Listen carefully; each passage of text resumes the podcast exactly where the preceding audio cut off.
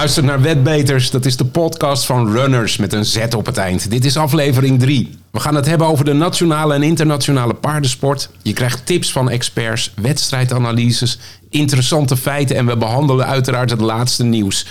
Een mooie gelegenheid voor experts om de strategie voor de komende dagen te bepalen. En voor de nieuwkomers is deze podcast een prachtig begin om ingewijd te worden in deze mooie sport. Mijn naam is Ludo en tegenover me zit Vincent. Heel tof dat je er weer bent, Vincent. Hallo.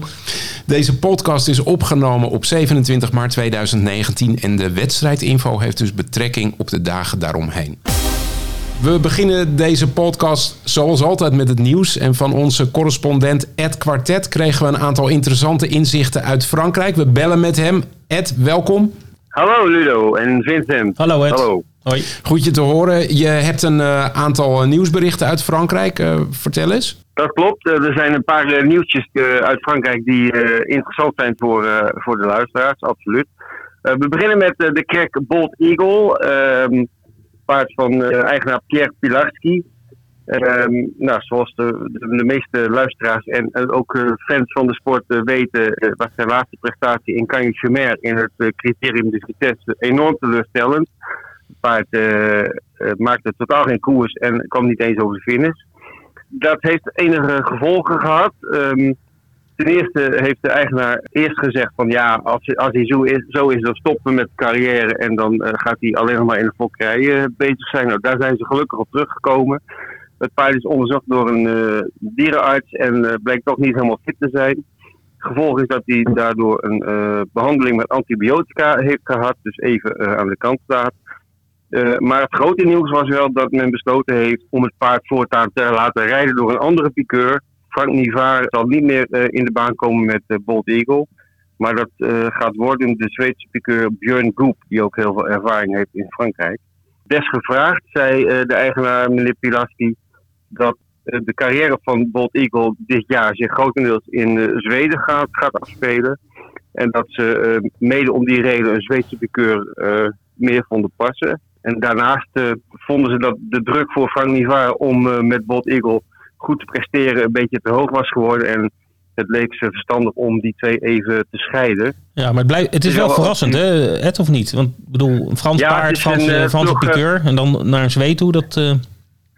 Je zag na die teleurstelling op, op de internetfora al al af en toe een kreet verschijnen van, van uh, wedders en van sportliefhebbers van uh, wordt het niet eens tijd voor een andere rijder. Dat kan soms bij een paard wel een heel goed effect hebben. Ja. Maar dat het uh, inderdaad zo snel besloten zou worden, dat was echt wel een verrassing.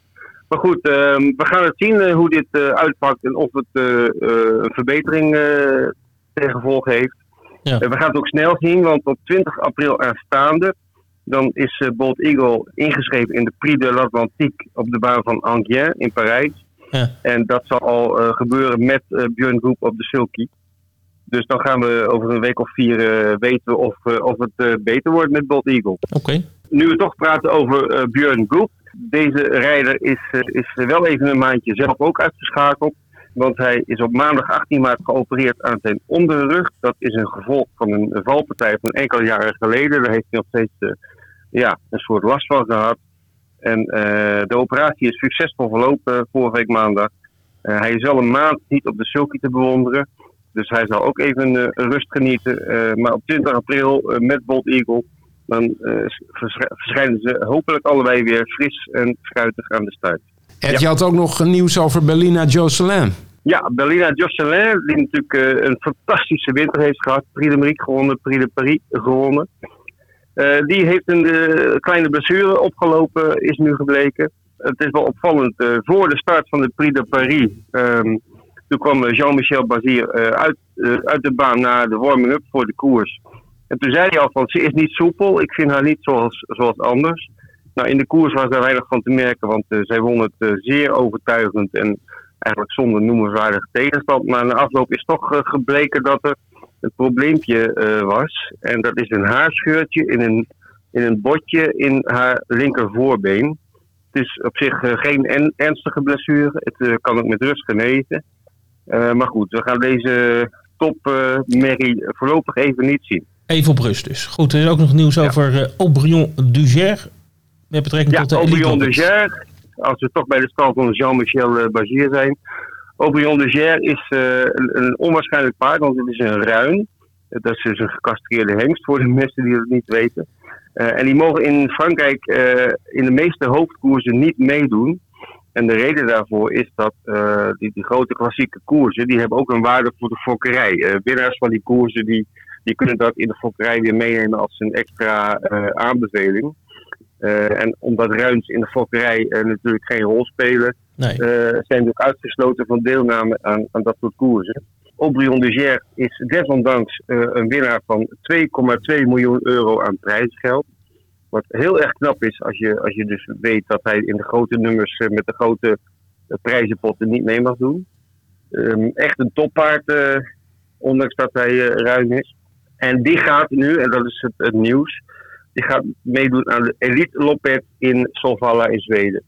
Die is op zondag 26 mei. Dat is uh, een sprintkoers. Een, twee series over 1609 meter en een finale. Waarin de beste vier van elke serie mogen meedoen. Uh, en dit paard is daarvoor uitgenodigd. En uh, Jean-Michel Bazier heeft al toegezegd dat hij daar naartoe zal gaan. Okay. Dus ja, er wordt echt een attractie in die koers om dat paard daar in Zweden aan het werk te zien. Nou, mooi bruggetje. Van uh, Elite Loppet gaan we naar uh, Timoko. Die won hem. Timoko die is natuurlijk nu qua leeftijd niet meer startgerechtigd. Is uh, al een aantal jaren in de fokkerij actief. Heeft ook al goede kinderen rondlopen. En een daarvan is Drimoco. een nu zesjarige hengst. Heeft al meer dan een half miljoen euro aan prijzen verdiend. En het grote nieuws daarom om die Drimoco is dat hij van trainer is veranderd.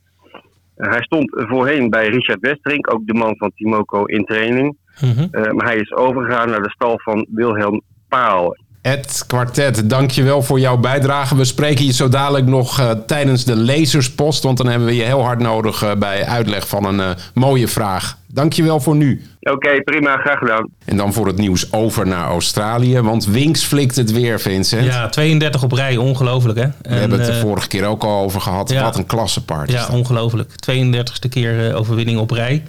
in de George Ryder Stakes. En uh, ja, nog eentje. Dan, is het, uh, dan zit het erop voor Wings. Maar uh, dus over drie weken, dus de laatste race. Als alles goed gaat. En daar ziet het wel naar uit. In de Queen Elizabeth Stakes in, op de baan van Randwick. Dat wordt haar swan song, zoals ze dat zeggen in de Engelstalige landen. En mensen die vaker naar deze podcast hebben geluisterd, weten dat jij gek bent op finishes van de paarden. En daar gaan we natuurlijk nu ook even naar ja, luisteren. Ja, laten we die koers nog maar even Wings overwinning. En hasn't moved Clear from prop response and Sosie Barney. Now he shakes the rein of Winks and takes the lead from Brutal and Dream Force. And now she starts to go into overdrive. She's won four Cox plates, four chipping Gardens, and now for George Riders. He's the world champion Winks. Simply invincible. Wins it by three lengths to Brutal. Dreamforce third. Prompt Response fourth. And Sosie Bond land of plenty.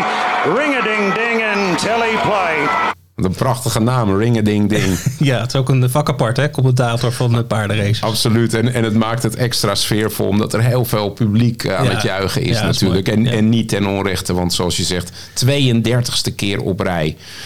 Tot slot van het nieuws, geen korte baan Zwanenburg dit jaar. Nee, dat is heel jammer. Korte baan uh, seizoen staat weer uh, voor de deur. En uh, ja, goed, dat is altijd zijn hele leuke evenementen om naartoe te gaan.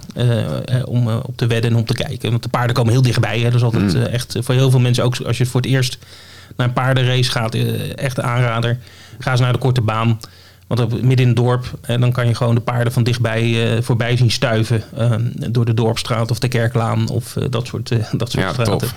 Maar goed, de korte baan van Zwanenborg is dus afgelast. het heeft te maken dat de organisatie kon er niet uitkomen met de plaatselijke wieler, wielervereniging. Want daar de wielerbaan vond, vindt de, nou, vond eigenlijk de korte baan plaats. Ja.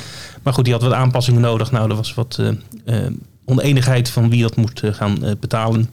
Maar goed, de organisatie gaat op zoek naar een andere locatie. Dus uh, hopelijk in 2020 wel weer Zwanenburg op de kalender. Hier komen de hoogtepunten en voorbeschouwing voor de komende dagen. Maar eerst gaan we nog even een korte nabeschouwing doen van Cheltenham. Met onze correspondent Nelson Longshot. Nelson, je bent in de uitzending. Fijn dat je er bent. Dankjewel. Dankjewel voor de uitnodiging. Ja, ehm, we hebben het de vorige aflevering natuurlijk uitgebreid gehad over het, eh, nou ja, d- het festival der festivals Cheltenham. Eh, je hebt daar toen heel bevlogen over gesproken. Ehm, je bent er ook geweest. En hoe was het? Ja, het, het was geweldig. Ik ben er drie dagen geweest. Ehm, het weer zat iets tegen op de eerste dag, maar goed, dat, dat maakte het daarna weer, eh, het maakte het daarna weer helemaal goed. Ja. Ja, eh, een, volgepakt Cheltenham, geweldige sport, ehm, geweldige momenten. Eh, ik heb met volle teugen eh, genoten. Nou, er zit iemand hier heel jaloers eh, te kijken tegenover me. En dat is Vincent. Want die was er niet bij, maar die heeft het wel gevolgd natuurlijk. ja, tuurlijk, online. tuurlijk, ja, alle dagen. Ja, Ja. ja. was, was fantastisch. Ik bedoel, ook op televisie. Ik heb via ITV gekeken. eh, die zeg maar de rechten hebben in Engeland. eh, en eh, ja, was fantastisch. En eh, Ja, het was een heel, een, een heel mooi ehm, sportevenement over vier dagen. En kijk, het is een, een, een sport waar, eh, waar heel veel kritiek op, ehm, op valt soms eh, vanwege eh dierenrechtenactivisten, et cetera, et cetera. ja. Mhm. Ehm, maar daar, er wordt ontzettend goed voor die paarden gezorgd. Er wordt ontzettend veel op ze gelet. Ik bedoel, als je niet, je, elk, elk paard wordt door de dierenarts onderzocht. En eh, als het paard wel of niet goed genoeg bevonden wordt, dan mogen ze starten of ze worden gewoon teruggetrokken. Dat is ook een aantal keer gebeurd. Ja. Ehm, maar de sport heeft zich zo goed ehm, in, het, eh, in de picture gezet. Ik bedoel, vrijdagochtend stonden de, voorpa- de voorpagina's hier in Engeland stonden vol eh, van Cheltenham nieuws. En, Ja. en dat is gewoon, dat is, dat, is, dat, dat is wat de sport nodig heeft. ja, fantastische promotie voor de sport op zichzelf. Nou, we gaan even inderdaad. eh, we hebben allebei een momentje uitgekozen voor eh, wat ons hoogtepunt is. Nou, dat is allebei op die donderdag. We gaan eerst even naar mijn moment. Dat is toen eh Brian Frost de Ryanair Chase won met uh, Frodon. Jouw tip overigens, dus dat heb je goed gezien. We gaan even luisteren naar de, naar de race. En daarna gaan we ook even luisteren naar Byrony. En die uh, legt heel goed uit dat het vooral om het paard draait. En niet om iets anders. They race on towards the final fence, and Frodon and Aso are battling it out still. Aso on the near side, Frodon on the far side, chased hard by Road to Respect, and then Mona Lee up the hill. Frodon on the far side, he's pulling out more from Aso. Then back in third, Road to Respect is Frodon and Brawny Frost. A match made in racing heaven. He's going to see it out to win again at Cheltenham, and he wins the Ryanair. What an improved horse, a brilliant jumper. Aso and Road to Respect running great races. And back in fourth, Mona Lee. Dan gaan we nu even luisteren naar het interview van uh, Byrony Frost uh, direct na de race. Everything he did out there, it was we were totally in sync. When I needed him to come up a little bit longer down the back, just to hold that you know advantage over the horses behind us, you know, and it wasn't easy because there was just niggles on him the whole way up front today, and it was a little bit like we were going that half a gear a bit quicker. But he's so unstrung. The team at Ditcher have had him not even 100%, 200% ready for this, and he's come here in the heart and, and the form of his life. And this year he's just gone from better to better to better, and this is just you know this is his golden day, and like he deserves every minute of this, and he, he does. He's so intelligent. He took it all in. He was loving coming back down the down the chute. ja, mooi. Hoe enthousiast een jockey over het paard uh, kan vertellen. En ze was echt oprecht, nou.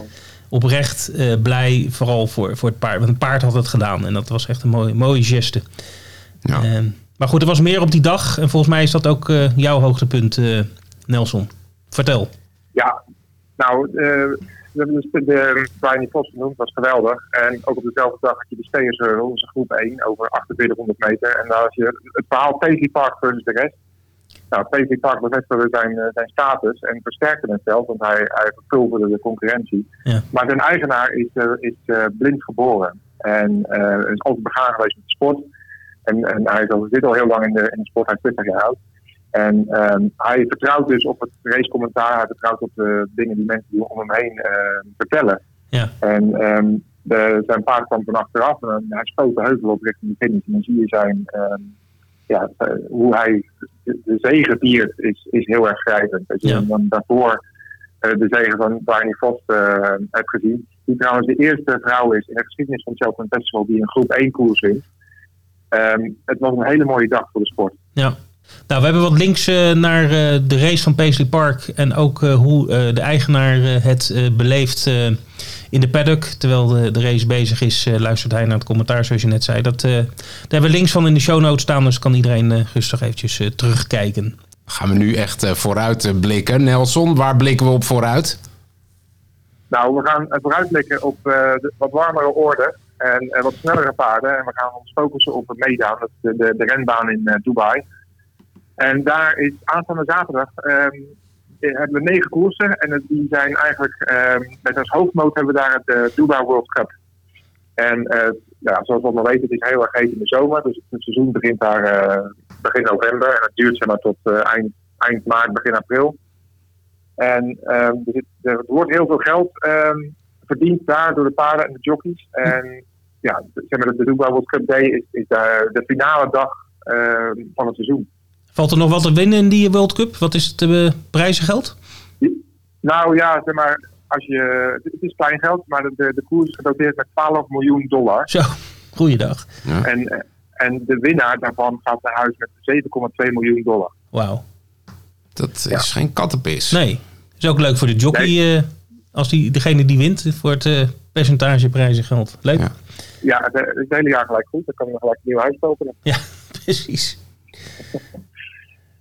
Dus nee, dat is, dat is, dat is helemaal geweldig. En eh, we hebben ook een, eh, een landgenoot daar rondlopen en dat is Adrie de Vries. Ah. En eh, Adrie de Vries is een, een geweldige jockey. En kijk, je moet het zo zien.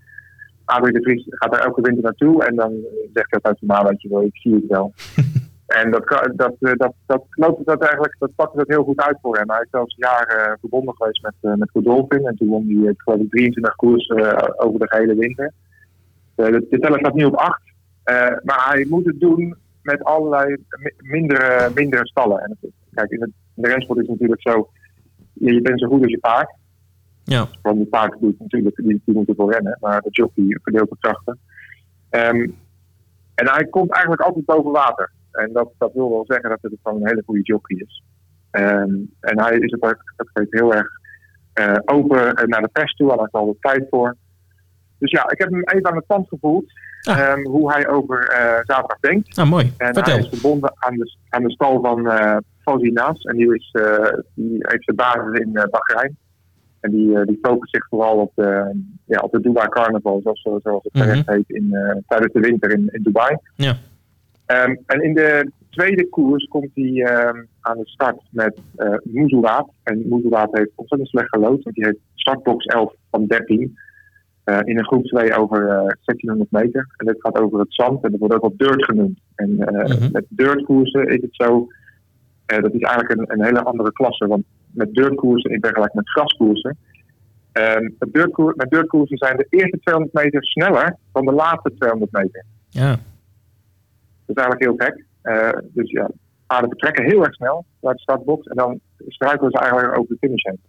En met graskoers is het precies andersom. Ehm dus ze, ze, ze vertrekken gewoon op een normaal tempo en dan hebben ze een eindsprintrit in de finish. Ja.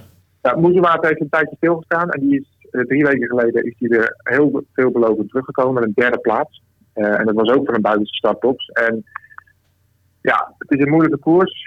Ehm, maar het voordeel is dat Moesewaard ehm kan gelukkig heel goed van achteraf koersen. Dus hij kan vanaf van start af kan die, eh, rustig aandoen, de binnenkant kiezen. En dan kan hij eigenlijk eh, kan die zijn laatste stuk benutten om de tegenstanders één voor één af te, ja, te, passeren. Eigenlijk. ja. Dus best wel een Eh, eh, dus- kanspaard, als ik het zo hoor. Nou ja, het is, het is een, een kleine inzet binnen plaats. Is het een, is het, wordt het een hele leuke koers om te kijken. Oké. Heeft Adrie nog meer winnaar- ritten? Ja, die heeft hij ook nog even de winnaar Oh. aanzetten. Dat is in mijn ogen Muntaza. Die staat met kop en schouders boven, boven de rest. Oké. Ehm, dat is het voor die koers. Ja, we zullen Ehm, trouwens even voor de luisteraars, we zullen alle tips eh, nog even mooi op de website zetten onder de show notes. Dan kan iedereen goed eh, teruglezen welke paarden jij tipt, hoe ze heten en eh et cetera. Goed, ga verder Nelson. Koers 4 is ehm, de sprint over 1200 meter. Dit deze gaat over het gras. En dat is op Dubai een, een lange rechte strip van 1200 meter. En daar hebben we te maken met een, een huizenhoge favoriet. En die heet Blue Point. En Blue Point die, eh, heeft ook in Engeland heel goed gelopen. Eh heeft zelfs tijdens Royal Ascot gewonnen. En eh, die heeft nu twee koersen daar in de benen. En die heeft hij alle twee eigenlijk heel gemakkelijk gewonnen. En hij, staat, hij steekt met kop en schouders boven de rest uit in deze klasse. En ja, hij moet, hij moet echt met een heel slecht humeur opstaan wil hij deze koers verliezen.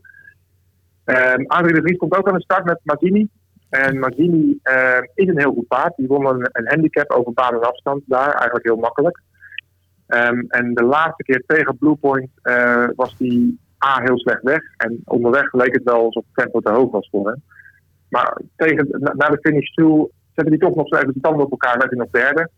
Ehm, het paard is in de training fris gehouden. Dus er is niet zo heel veel meer eh, mee gedaan. Maar hij is gewoon eh, ja, lekker uitgereden. En, en lekker met rust gelaten om hem even op te frissen. Mhm. De laatste training was heel erg goed. En ik denk dat er eigenlijk best wel wat verbetering in Marzini zit. Dus als die verbetert ten opzichte van de laatste keer, dan, dan ja, kan hij zomaar tweede worden. Ja, want de eerste is uitgesloten, zeg maar. Dat, is, dat zal Bluepoint worden. Dus eh, hè, tweede plek, een duo of een trio eh, met eh, Bluepoint voorop. En dan eh Mazzini eh eromheen. eh dat kan nog wat opleveren. Ja, inderdaad. Eh, volgens mij staat hij 20 tegen 1 Marzini. En zal, zal hij op de dag zelf ook staan. Mhm. Dus ja, waarom niet eh, gewoon een paar euro binnen plaats. En Ja. als hij naar huis loopt en verrast, dan, eh, ja, dan zit je te juichen. Oké. Nog meer, kijken, Dan gaan we verder. Nee, ja, nog één keer. De laatste, de laatste keer Adrie is in de zesde koers. En dat is de, de Dubai Golden Shaheen. Een dotering van 2,5 miljoen dollar. En deze koers heet de, de groep 1 koers. En ehm, ja, dit is een, eh, een Amerikaans onder onsje, zo te, zo te zeggen. En dit is een eh, perfect voor de Amerikanen, die komen ook over. Ehm, 1200 meter over het dirt. En ja, dirt is eigenlijk 90% van de koers in Amerika. Dus ja, de Amerikanen zijn sterk vertegenwoordigd met X, XY Jet en Roy H, zoals wij zeggen, of Roy H. Eh, dat zijn de, ja, de, meest, de belangrijkste eh, paarden in deze koers. Maar Adrie de Vries komt aan de start met 9 below zero. Oké. En dat is een beetje een eh, vreemde eentje erbij. En dat in de zandbak van, eh van, van mee dan. Ja, ja precies. hij, hij heeft een keer gewonnen daar. ehm, en toen leek het alsof hij een langere afstand nodig had. Toen hebben ze hem ingezet over 1400 meter. Dat was een grote flop.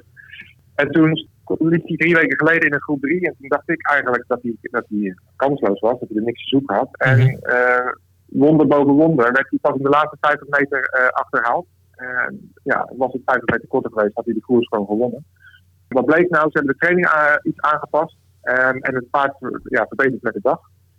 En ehm, hij heeft ook voor deze koers weer heel goed gewerkt. Dus ja, het, het, het kan alle kanten op. De, de tegenstand is ontzettend zwaar. Ja. Maar een 9 be- een 9 below zero die eh, boven zichzelf uit eh, stijgt, eh, kan ook zomaar verrassen en een, en een, eh een trio-klassering eh, neerzetten. Hey, voordat we zo even eh, naar de voorbeschouwing van de World Cup eh, zelf gaan, de laatste race van, van de dag. Nog even, want je noemde al Amerikanen. Ehm, als je een blik werpt op de, de racekaarten, zie je inderdaad dat het best wel een internationaal gezelschap is. En dat er van heinde en ver eigenlijk paarden overkomen. Dat, dat is ook wel logisch met zoveel prijzengeld. Kan je daar wat meer over vertellen? Over zeg maar, het internationale karakter van, van de koers op Medan tijdens de World Cup meeting? Ja, absoluut. Kijk, je hebt een, eh, heel, veel, heel veel Britse trainers, heel veel Ierse trainers, die vestigen zich daar voor de winter in, eh, in Dubai. Op de World Cup Day heb je dan heel veel Amerikaanse invloed die daar ehm, eh, naartoe komt. En, maar je hebt ook heel veel starters uit, uit Japan bijvoorbeeld. Ja, ja. Dus dat, dat geeft het, eh, het, het, het de hele dag een ontzettende internationale allure. Bijvoorbeeld in koers 7, dat is de, de Dubai Turf over eh 1800 meter, gedoteerd met een eh, kleine 6 miljoen dollar. Eh, we hebben bijvoorbeeld Almond Eye, en die komt over vanuit Japan die is daar eh, ja, ongeslagen. Ja. Ehm, en ja, dat is een van de beste paarden van Japan. Ja. En die komt zich dan meten met, eh, met het beste van, eh, van Europa. Bijvoorbeeld eh, eh, Without the Wall van John Gosden eh, Mhm. zit staat in de koers. Uh, Lord Glitters eh, geplaatst op ehm, eh, Royal Ascot. Century Dream geplaatst op Royal Ascot. Dus ja, het beste van alle werelden komt gewoon naar, naar Dubai. Want het is zelfs een Australische starter. Dus het is Ja. heel erg internationaal. Leuk. Nou, allemaal te volgen op runners.nl uiteraard. Daar kan je ook op inzetten. Ja, En dan nu het hoofdnummer. Nou, wie gaan hem winnen, Nelson? er zijn, er zijn een aantal eh, punten waar we op moeten letten. De winnaar van vorig jaar is er ook bij, Thunder Snow. En die kreeg het eigenlijk eh, helemaal cadeau vorig jaar. Die nam de kop, met rust gelaten en liep eigenlijk zo naar huis toe. Mhm. Ja, die tactiek kunnen ze nu niet meer eh, toepassen, want iedereen kent dat kunstje nou wel. Ehm, er is een heel goed paard wat zich ontzettend goed ontwikkeld heeft in Dubai. En die heet Capezano. Die wordt gereden door eh Michael Barcelona, een eh, Franse jockey. En die zet het Thunder Snow drie weken geleden uh, falikant opzij in de voorbereidingskoers. Dus die lijkt heel erg goed. En die is, dat is zeker de, de plaatselijke hoop voor de connecties uit, eh, uit Dubai en daaromheen. Ehm, North America heeft een- hetzelfde profiel. Eh, heeft ook de hele winter in Dubai gelopen. En heeft ook een geweldige kans. En dan eigenlijk binnen het plaats wat eigenlijk heel interessant is vanuit Amerika. En dat is Audible. En ehm, die heeft ook in de Kentucky Derby gelopen. Daar was die vijfde. Ja, die loopt in de topklasse van Amerika. En daar weet hij zich, eh, zich redelijk in. En die komt over en die heeft een hele goede win- en plaatswaarde. Oké. Eh, mochten de, de, de eerste selecties zich helemaal eh, leeglopen aan kop, dan kan hij zomaar verrassen en zeggen van eh, dankjewel jongens. Ja. En wie, wie is jouw tip? Wie, als je er één mag kiezen, wie, wie wordt het dan?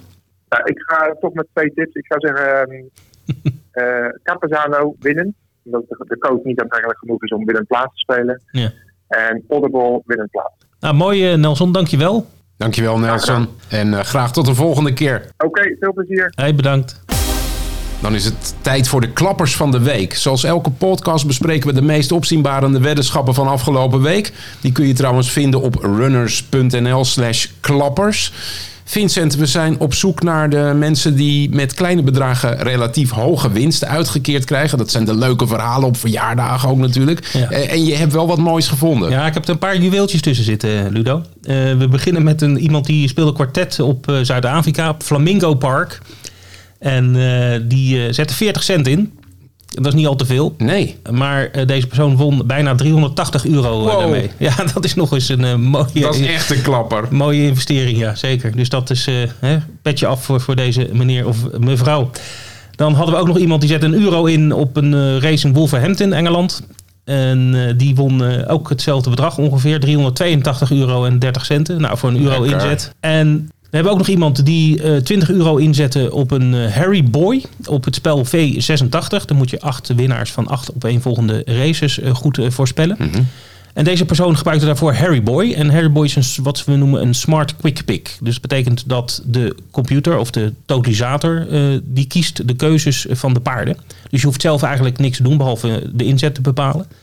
En de computer kiest vervolgens jouw eh, paarden. Dat gaat niet willekeurig. Dus het is niet echt een, een, een- lucky dip of een, een quick pick... zoals je bijvoorbeeld lotto-getallen kan laten kiezen door de computer. Nou, dat is gewoon compleet willekeurig. Daar zit een algoritme achter. De totalisator gaat kijken van waar op welke paarden is het meest ingezet. Ja, ja. En welke paarden staan minder in aanzien. En daar maakt hij eigenlijk een, een, een selectie van. Dus je krijgt niet alleen maar de favorieten. Maar je krijgt eh, in race 1 krijg je de favoriet. En in race Ah, 2 ja, de favoriet en een outsider. In race 3 twee outsiders. Dus het is een mix van, van, van paarden. Zodat je een, een leuk, als je wint, dat je een leuke, leuk bedrag kan winnen. Ja, en, en het is ideaal volgens mij als je nog niet helemaal ingewijd bent in de paardensport. Om er toch op een dus leuke dit- manier daar is het mee echt te perfect maken. voor. Want eh, in Zweden hebben ze dat. eh, en je kan het ook dus ook in Nederland spelen. En eh, ik weet dat in, in Zweden, dus op spelletjes zoals V86, maar, maar ook de V75, et cetera, ongeveer 25 tot 30 procent van alle inzet gebeurt via Harryboy. Oh, dus, ja. eh, veel Zweden spelen gewoon, eh, ja, zien het als een, een soort loterij. Hè? Dus dat je gewoon een, een bedrag inzet en eh, de computer bepaalt wel jouw paarden. Dus je hoeft geen verstand te hebben van paarden om toch te leuk te kunnen winnen. Het is tijd voor de wetanalyse van de week. En die gaat deze keer over Z-Turf pools bij runners. We interviewen daarover Bert van Runners. Over de onlangs geïntroduceerde pools. Eh, Vincent, je moet heel even kort uitleggen wat, wat zijn Z-Turf pools. Ja, Z-Turf is de Franse eigenaar van Runners. Mhm. Eh, die hebben onlangs eh, het bedrijf gekocht. En Z-Turf is een, een, een Franse totalisator. Die bieden dus de totalisator, de weddenschappen in Frankrijk aan. En ook wel daarbuiten in andere landen. En ja, die gaan dat nu ook in, eh, Nederland doen. En eh, daar is onlangs mee begonnen in uh, Wolvera. Is het niet, eh, Bert? Klopt. We zijn van start gegaan op de 20ste in Wolverga. En eh, nou, ik was daar eh, best wel enthousiast over. Ja, wa- wat, wat is er veranderd? Wat, wat, kan je kort uitleggen wat, wat er anders is voor de wedders? Nou, in eerste instantie is het nog niet heel veel anders geworden. Op de C-turf koersen die we dus eh, voorheen local pool speelden, daar hebben we de spelsoorten winnend plaats, duo, trio. Maar dan natuurlijk in een veel grotere pool. Wat vooral veranderd is, is dat we eh, tijdens de PMU-koersen, waar we geen eh, duo en trio meer konden spelen. PMU heeft daar een wijziging aangebracht eind vorig jaar. De duo en trio zijn alleen speelbaar bij zeven paarden of minder. En eh, daar kunnen wij nu wel weer meedoen in de pot van Z-Turf. En daar zijn de klanten best wel enthousiast over. Want van oorsprong is Nederland toch wel een beetje een duo- en trio-land. Anders dan bijvoorbeeld Scandinavische landen en Engeland. Kan je nog heel even, want ik hoorde je net de term local pool noemen. Nou, de meeste luisteraars weten wel wat het is, maar er zijn er zullen ongetwijfeld ook een aantal luisteraars zijn die dat niet weten. Kan je even het verschil uitleggen bijvoorbeeld tussen local pool en het andere, dat is dan common pool? Nou, het local pool is dan, eh, dan komen de weddenschappen eigenlijk alleen vanuit Nederland. Eh, dan kan je eh, ook nooit meer winnen als dat er uitbetaald wordt. Eh, dat klinkt misschien raar, maar als wij natuurlijk meespelen in de pot van Frankrijk, van Set Turf, daar zitten andere aanbieders bij, Bingo, Genie. Er zit meer geld in de pot, dus dan kan het ook zo zijn dat wij meer geld uit de pot halen als dat we erin gedaan hebben. En dat is natuurlijk, vooral met de kennis die wij hebben van het Nederlands product, moeten we daar wel een voorsprong hebben op de Franse wedders. Ja, dus wat jij zegt is eigenlijk dat Nederlandse wedders in het voordeel zijn op het, eh, op het moment dat ze meedoen aan een eh, common pool met eh, bijvoorbeeld met Sea-Turf of met, met PMU. Op Nederland, als er op Nederlandse koersen gewed wordt. Ja, dat zien we eigenlijk ook regelmatig. Eh, normaal gesproken ligt de uitbetalingpercentage ergens tussen de 75 en 80 procent. Verschilt per spelletje. Maar wij halen toch regelmatig, eh, soms zelfs wel meer dan 100 procent aan uitbetalingen terug. Eh, vorig jaar op de PMU-koersen van Wolverga was ons uitbetalingspercentage boven de 90 procent. Nou, dat is goed voor onze klanten. Dus, Vinden de Fransen niet dan, leuk, Bert? Nee, maar wat dat dan gaat zijn wedders wel weer eerlijk. Wij brengen het weer terug op Franse koersen. Ah, dat- daar hebben de Fransen weer meer verstand Ja, van. dat, dat, is, dat is waar. Dat is waar. Oké, de, de veranderingen ehm, eh, voor, voor de races van, eh, van Wolfga, wat, betekent dat precies voor de wedder? Dus wa- wat, kan je concreet, wat, wat zijn de veranderingen? Waar heeft die mee te maken? Nou, nu aanstaande woensdag hebben wij eh, in totaal een programma met zes koersen. Daarvan zijn de eerste vier koersen PMU. En in die eerste vier koersen doen wij ook duo en trio aanbieden via Turf. De koersen 5 en 6 zouden normaal gesproken local pool, dus de eigen pool zijn. En eh, die worden nu via Turf aangeboden, zodat we in een grotere pool kunnen meespelen. En ja, het leuke ervan is, dit is fase 1 noemen wij dat. We zijn eh, volop in ontwikkeling. Heel goed. En fase 2, dan komen weer allerlei andere spelletjes ook de hoek om kijken. En wat het wellicht nog, nog weer interessanter maakt voor onze klant. Ja. Hey, en heb, je, heb je al eh, wat reacties gekregen van, van wedders op Wolfga? Nou, ik was vorige week zelf op de drafbaan en eh, ik moet zeggen, eh, veel positieve reacties, vooral op het trio dat terug is. Ja. Eh, Frankrijk die heeft dat aangepast zoals ik vertelde. Trio One Order is natuurlijk best een leuk spel, maar als je, dat is eigenlijk leuk als je 16, 17, 18 paarden in een koers hebt. In Nederland helaas is het, het aantal dravers wat teruggelopen en dat kunnen we ook terugzien in de bezetting van de koersen. Veel koersen hebben 8, 9, 10 paarden. En dan is Trio One Order erg makkelijk te raden en dus ook lage uitbetalingen. Mensen willen toch vaak voor een relatief leuk bedrag een, eh, zoals, zoals wij dat zeggen, een klappertje kunnen maken. Ja. En eh, nou ja, met trio in de juiste volgorde is een stuk moeilijker. En eh, met, dan met 8, 9 of 10 paarden maakt het extra leuk. En nou, die reacties waren wel erg positief van de klanten. Oké. Nog even een vraag over trio wanorde, noemde jij net. en ook het gewone trio. Kan je even kort uitleggen wat het verschil tussen de twee is? Voor de mensen die dat niet weten? Nou, trio One Order, eh, dat zijn drie paarden in willekeurige volgorde. Eh, als je die drie paarden in willekeurige volgorde in het trio zou doen, dan zou dat zes weddenschappen zijn. Dus waar je, je, je ziet al dat je natuurlijk veel meer combinaties kan maken met trio one orde eh, eh, voor een re- relatief laag bedrag. En met trio orde, eh, zoals we dat in Frankrijk zeggen, ja, dan, dan gaat het toch wel wat moeilijker worden. Eh, en, en dat bepaalt ook natuurlijk de hoogte van de uitbetaling. Eh, minder mensen die het goed hebben, des te hoger de uitbetaling. En dat zie je bij trio orde vaak. Ja, trio orde is zeg maar wat wij in Nederland kennen als het gewone trio. Het gewone trio. Ja. Goed, nou we wachten af wat het eh, gaat brengen in de toekomst, eh, Bert. Eh, voor wat betreft Ja, nog zeker. meer nieuwe spelsoorten. In ieder geval goed dat de boel in beweging is en dat de wedders dus meer keus hebben in hun weddenschappen. En ook mee kunnen spelen dus in de grotere pools in het buitenland. Nou, ik hoop graag nog eens een update te geven over fase 2, zoals wij dat noemen. De nieuwe spelsoorten als die er zijn. Ja, hartstikke goed Bert. Dankjewel.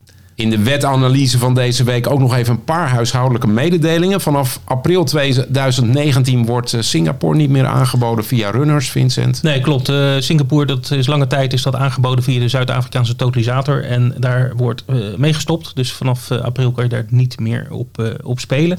En dan hebben we ook nog een nieuwtje over het klanttevredenheidsonderzoek wat Runners elk jaar houdt. Ja. Ehm, dus het rapportcijfer is gestegen. Dat is hartstikke mooi, naar een 7,8. En wat was het oude cijfer? 7,6, dus dat is, Nou, het was toen ook al goed en het is nog eh, steeds beter. Ja. Ja, onlangs is de site helemaal veranderd hè, van, Ja. van Runners. Nou, dat was in het begin eh, liep dat niet helemaal soepel. Daar was Runners ook gewoon eerlijk in. Maar ondertussen eh, werkt de site prima en zo te zien vinden de klanten het ook fijn spelen bij Runners. Mensen die deelnamen aan het onderzoek en adviezen hadden voor deze podcast, willen we nog even hartelijk bedanken. We nemen deze ter harte. Ehm, heb je een vraag of een opmerking over deze podcast? Die hoef je niet te bewaren voor volgend jaar. Het klanttevredenheidsonderzoek van 2020. Ga dan gewoon even naar runners.nl slash wetbeters. Ja, als je een leuke vraag hebt of een opmerking of je wil graag een bepaald onderwerp eh, in de podcast horen, nou stuur ons gewoon een mail. Het is tijd voor lezerspost. Zoals elke keer behandelen we de vraag van nieuwsgierige luisteraars. En deze keer komt de vraag van Joost. En die luidt, let op, wat verdient een jockey? Vincent gaat uitleggen wat een eh, jockey in Engeland verdient. Maar we hebben ruggensteun, want eh, Ed Quartet... hij kan eh, ons vertellen wat een Nederlandse piqueur in Nederland verdient. En hij heeft misschien ook wel wat voor informatie over eh, ja, de verdieners uit Frankrijk. Maar laten we even bij Vincent beginnen. Vincent, wat, wat verdient een, een jockey, oftewel een man op een paard in Engeland? Ja, daar, dat is eigenlijk eh, lastig te zeggen, omdat er best wel verschillen in zitten tussen de verschillende jockeys. Maar ik zal het proberen uit te leggen. Dat doe ik aan de hand van een aardig artikel wat in de Racing Post is eh, verschenen over dit onderwerp. En eh, daar is ook een link van in de show notes. Wil, wil je dat nog even teruglezen? Maar waar het op neerkomt, jockeys in Engeland zijn in feite ZZP'ers. Oké, Dus ze zijn, die hebben een eigen bedrijfje. En eh, die, die ontvangen hun geld door, door races te rijden. En die krijgen dus voor elke rit die ze rijden, krijgen ze dus een vergoeding. Dat is ongeveer 150 euro. En dan heb ik het over de, de vlakke baan eh, jockeys. Eh, nou, als ze dus 6, 7 races per dag, dus als we een, in elke race een rit hebben, dan kan dat dus 1000 euro per Ja. racedag eh, opleveren. Nou, dat klinkt best aantrekkelijk. Ja, hè? ja. Maar goed, daar gaat nog wel wat vanaf. Er gaat bijvoorbeeld 10% af naar de zaakwaarnemer van de jockey. De jockeys die regelen niet hun races zelf. Dat wordt eh, door Ja. een eh, zaakwaarnemer, een eh, agent wordt dat en dat is standaard 10%. Ja, dus 10% van, van Ja. alle, alle ritten die ze rijden. Dus van die 150 euro die ze krijgen, gaat dus naar die, naar die zaakwaarnemer. Ja, dus op dagbasis is dat al 100 euro eraf. Ja, precies. Er gaat ook nog 3% eh, van, van het bedrag wat ze ver- verdienen met het rijden naar de, naar de bond. Nou, jockeys hebben ook een, zijn verenigd in een bond. Dus. Die, moeten ook eh, hun eh, werknemers kunnen betalen. Dus daar gaat 3% heen. Ja, dat is ook nog eens 30 euro als je van die 1000 Ja. euro per dag uitgaat. Ja, precies. Nou, dan heb je ook nog een, eh, iemand, eh, de, de valet. eh, eh, dat is iemand die in, in de kleedkamer van de jockeys zorgt dat de zadels klaar liggen. Dat het lood Mhm. erin zit als ze gewicht moeten dragen. Dat de kleding goed op de hangertjes hangt, et cetera. De materiaalman, dat heet in Engeland heet dat een valet. En, en, en heeft iedereen dan zijn eigen materiaalman? Of- Nou, er zijn er, ja, het hangt een beetje vanaf hoeveel, hoeveel koersen er zijn en hoeveel deelnemers er zijn. Maar er zijn er meestal één, twee of drie. Ja. Dat varieert een beetje. Maar je draagt sowieso geld af aan Ja, aan die en dat, dat, ja, en dat varieert. Je begint met 10% van, over je eerste rit van de dag te betalen aan de valet. Als je twee ritten hebt, dan is je tweede rit hoef je nog maar 7,5%. Oké, en dan- ja, en dan naar 5%, et cetera, et cetera. Nou, Dus dat, dat gaat ook nog eens een keer af. En dan heb je ook nog verzekeringen en, en de fysiotherapie en de reiskosten. Die reiskosten overigens, die kunnen, kunnen ze wel aftrekken van de belasting. Dus dat scheelt dan weer. Mhm. Ja. Maar goed, al met al, 25% zijn ze sowieso kwijt eh, zeg maar aan, eh, aan kosten. Ja, dus, dat, bruto hou je dan op zo'n dag grofweg 750 euro over. Ja, ja, ja. En eh, nou ja, goed, als je dat gemiddeld neemt voor een Engelse jockey op de vlakke baan, als hij 300 eh, eh, races per, per jaar, dat is een beetje het gemiddelde Ja. van alle jockeys, dan, dan ligt dat inkomen rond de 30.000 euro. Dat is niet echt een vetpot. Nee, dat is geen vetpot. Maar goed, er zijn nog wel wat, wat extraatjes zeg maar, aan de andere kant. Hè? Dus als, een, als, als er gewonnen wordt, dan, dan, dan, dan krijgt de jockey ook een percentage van prijzengeld. En dat is eh, ongeveer 7%. Dus als het prijzengeld een ton is, dan eh, kan je, dan kan je Ja. 7000 eh, extra bijschrijven. Word je tweede of derde, dus plaatsgeld zoals dat heet. In sommige gevallen is ook de vierde plek een plaats. Dan, dan krijg je 3,5, krijgt een jockey 3,5% eh, van het gewonnen prijsgeld. Ja, Maar ook hier moet weer 10% naar de agent, dus naar de makelaar worden, worden overgenomen. ja. Nou, als laatste, wat ze ook nog een extra inkomsten hebben, is sponsoring. Sommige jockeys worden gesponsord. Ehm, en dat, eh, ja, de topjockeys hebben echt grote sponsors. Ehm, andere jockeys die werken bijvoorbeeld voor een krant of voor een, eh, een andere online media. Dan krijg je daar, en die geven soms, soms tips of dat soort dingen. Daar krijgen ze dus ook geld voor. Oh, zo. Maar het is niet dat het op hun kleding mag komen te staan. Jawel, juist wel. Ja, Juist ja, wel. ja. Je hebt bijvoorbeeld eh, hè, op de achterkant van de, hè, op, de, op, de, op de kont van de jockey in Engeland zijn, de- word je, staat Stobart. Dat is een eh, transporteur. Groot, eh, de grootste transporteur. Die sponsort eh, de jockeys op, de, op de kont. Want die zijn vaak in beeld, hè, de, de, de achterkant van een jockey. Ja. in de camera. Dus dat is een interessante plek om te sponsoren. En vaak hebben de jockeys ook wel aan de voorkant, een, eh, net zoals bij voetbal, op shirtreclame hebben ze ook wel een eh, sponsornaam eh, staan. Ja, ja. Maar goed, ook dat weer, ja, weet je, hoe, hoe beter de jockey, hoe, bekender je bent, hoe meer sponsorgeld je krijgt. En dit gaat over Engeland. We hebben ook eh, Ed in de uitzending. Ed, hoe zit dat in Nederland? Ja, ik heb meegeluisterd, eh, Ludo. Eh, in Nederland is het, eh, ja, het, het- de methode is vergelijkbaar, alleen de tarieven zijn toch iets, iets minder gunstig voor de, voor de betrokkenen, Ja, ik. Want ja, het, feit dat een, een piqueur of een jockey sowieso een paard gaat rijden, dat wordt vaak beloond met een opstapgeld, hè, een, een vast bedrag per, per rit, Ja. ongeacht het resultaat. En eh, ja, dat is Nederland niet beschreven in, in de voorschriften, dus dat is gewoon een, een kwestie van eh, ja, overeenkomst tussen de, de jockey of de rijder en de, en de eigenaar of de trainer van het paard, eh, wat daar afgesproken wordt. Dat is niet echt vastgelegd. Mhm. Ehm, qua tarief ehm, van het prijzengeld, zeg maar, als, als een piqueur of een jockey een paard in de prijzen rijdt, dan ligt dat in Nederland vaak ja, tussen de 5 en 10 procent. Een beetje afhankelijk van ook weer wat er afgesproken is. Ja. Er zijn niet echt eh, vaste regels voor. Nee, en ik, Eh, als ik naar Frankrijk eh, kijk, ehm, daar is het wel eh, door de, zeg maar, de drafsportbond en de galopbond geregeld. Eh, daar heb je bij de draf eh, een opstapgeld eh, van 45 euro per race. Dus eh, ongeacht het resultaat krijgt de rijder 45 euro eh, uitgekeerd.